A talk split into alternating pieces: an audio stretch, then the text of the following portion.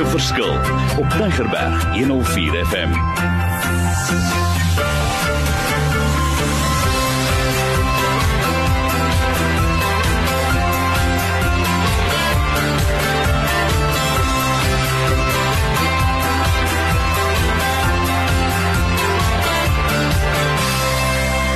Goeiemiddag luisteraars. Welkom by Maak 'n Verskil. My naam is Shanay Fabricius.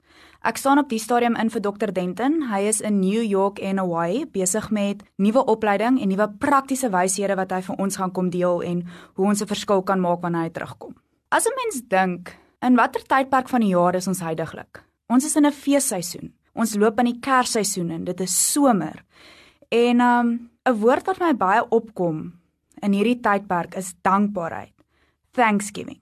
Want as 'n mens terugkyk na die jaar, dan moet 'n mens bietjie terugsit, jou voete uitskop en dink, "Wow, wat het hierdie jaar alles vir my gebring? Wat het hierdie jaar alles vir my beteken?" En nog te meer, wat het die Here alles vir my hierdie jaar beteken? Ek dink baie keer sit ons sit ons alles op sy en gaan net aan met die vakansie en vat nie net 'n minuut of 2 om te besef wat 'n amazing jare mens al gehad het nie. Die tydperk gaan gepaard met liefde, vreugde, vrede, geluk, 'n tydperk wat ons saam met ons families kan geniet, 'n tydperk van danksegging, Thanksgiving. Maar as 'n mens mooi daaraan dink, as ek vir u as luisteraars nou kan vra, wat kom by jou op as jy die woord dankbaarheid hoor? As jy die woord danksegging hoor? As jy die woord gratitude hoor? 'n Baie mooi woord vir my is die woord gratitude, a public celebration, 'n aksie van danksegging en hoe om dit uit te beeld. Partykeer as 'n mens in die feesseisoen ingaan, dan mis 'n mens partykeer geliefdes wat jy in die jaar afgestaan het. Daar was struikelblokke, tye was nie altyd so gerieflik of so gemaklik gewees nie. Maar dan kom daai oomblikke wat jy onthou van happiness en joy en lag en die memories wat jy gemaak het in die jaar. Gewoonlik as ek sit en twyfel oor in 'n area is waar ek wonder, hoe gaan ek hierdie dag deurmaak? Dan sit ek gewoonlik vir my musiek aan. Musiek is vir my, dit praat met my. Dit 'n voel vir mens kan vereenselwig met die woorde en met die persoon wat aan die ander kant die liedjie sing. So ek het 'n liedjie gekry wat vir my baie van toepassing is op Thanksgiving in die jaar of die tydperk waarin ons nou ingaan. En die liedjie se naam is Give Thanks van Don Moon. Ek gaan vir julle 'n stukkie daarvan lees En as jy nou in die kar is, moet nou nie jou oë toemaak nie, maar luister mooi na die woorde en neem die woorde in. Give thanks with a grateful heart. Give thanks to the Holy One.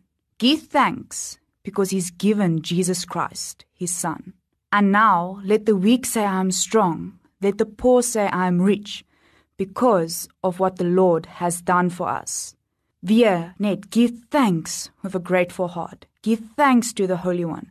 Give thanks because he's given Jesus Christ, his son. En as 'n mens na hierdie woorde luister, dan is dit net asof dit vir my vrede en rustigheid en joy in my inbring. 'n Ander liedjie wat vir my uitgestaan het is die naam is Thank You Lord. Die liedjie loop soos volg: I come before you today and there's just one thing that I want to say. Thank you Lord. Thank you, Lord, for all you've given to me, for all the blessings that I cannot see. Thank you, Lord, with a grateful heart, with a song of praise, with an outstretched arm, I will bless your name. For all you've done in my life, you took my darkness and gave me your light. Thank you, Lord. Thank you.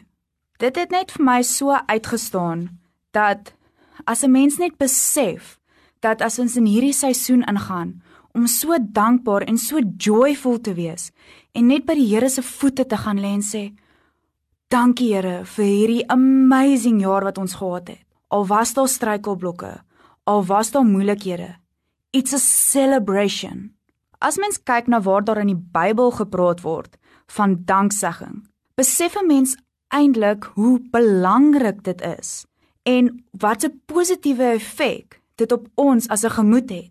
Die een vers wat vir my uitgestaan het is 1 Timoteus 4 vers 4 tot 5. For it is made holy by the word of God and its prayer, for it's sanctified by the word of God and prayer. Dit beteken ons moet dankbaar wees. Ons moet besef dat die Here is by ons. Die Here sanctify ons. Die Here het hierdie jaar vir ons gebless. En ons is so baie keer sê ons I bless you. Dr. Mario is baie lief daarvoor om dit te sê, maar 'n mens moet besef wat die belangrikheid daar is om vir iemand te sê I bless you en hoe inspirerend dit vir daardie persoon is. Nog 'n vers wat vir my uitgestaan het is Psalm 100 vers 3. Know that the Lord is God. It is He who made us, and we are His. We are His people and the sheep of His pasture. As 'n mens die woorde lees en die verse lees en dit jou eie maak en dit in jou hart sit, dink net aan wat 'n gunstige posisie ons geplaas is. Kersseisoen herdenk ons die geboorte van Jesus Christus en dit is ons Savior wat vir ons gebore is. En dit is net so amazing om daaraan te dink dat God het sy eerstegebore seun vir ons gegee en net om weer te dink aan die wondere en die wonderwerke wat hy verrig het terwyl hy hier was. God het alles gemaak en ons is sy mense. Is dit nie amazing om te weet dat hy sien ons as deel van hom, as een van sy mense? Hy is ons herder en ons is die skape en ons volg hom. Nog 'n vers wat vir my baie uitgestaan het, is 1 Korintiërs 1 vers 4. Die nuwe internasionale weergawe, ek lees hom in Engels vir julle, lees as volg: I always thank my God for you because of his grace given you in Christ Jesus. I always thank my God for you and for the gracious gifts he has given you now that you belong to Jesus Christ. Daar was die New Living Translation. En as ek mooi na daai woorde kyk, I always thank my God in die moeilike tye en wanneer dit goed gaan. For the gracious gifts he has given you. Jy is gebless met die gawes van die Here, met die spiritual gifts wat hy vir jou gee. Die inspirasie wat hy in jou lewe is. Now that you belong to Christ Jesus. Ons behoort aan die Vader se familie. Ons behoort aan dit wat hy vir ons doen. En is dit nie amazing om net te weet dat hy ons so liefhet nie? Nog 'n vers wat my uitgestaan het is Psalm 107 vers 8 tot 9. Let them give thanks to the Lord for his unfailing love and his wonderful deeds for mankind, for he satisfies the thirsty and fills the hungry with good things. Moenie vergeet om in hierdie tydperk nog steeds honger te wees vir sy liefde, nog steeds honger te wees vir die Here nie en maak dit 'n public celebration soos wat ek in die begin gesê het. 'n Public celebration of gratitude, of joy. As 'n mens nou dit wil saamvat oor die Thanksgiving, vat 'n diamant vir jou uit een van hierdie verse of die betekenis van Thanksgiving of die betekenis van die woord danksegging. Wat het vir jou uitgestaan? En gaan met 'n verskillende 'n blye gemoed die nuwe jaar in. Gaan met 'n gemoed van wow, die Here gaan hierdie jaar nog groter maak, 2020 nog groter maak as 2019. Want dankbaarheid is van so belang dat dit gee vir jou die positiewe emosies.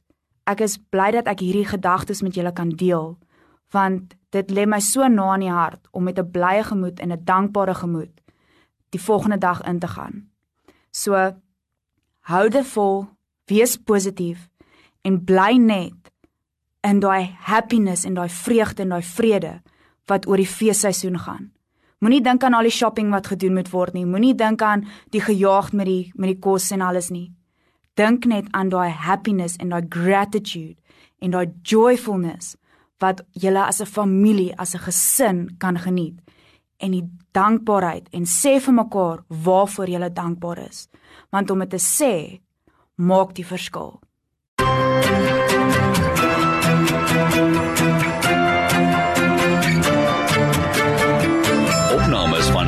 verskil is te kry op Potgooi via Tigerberg 104 FM se app of te wel toepassing.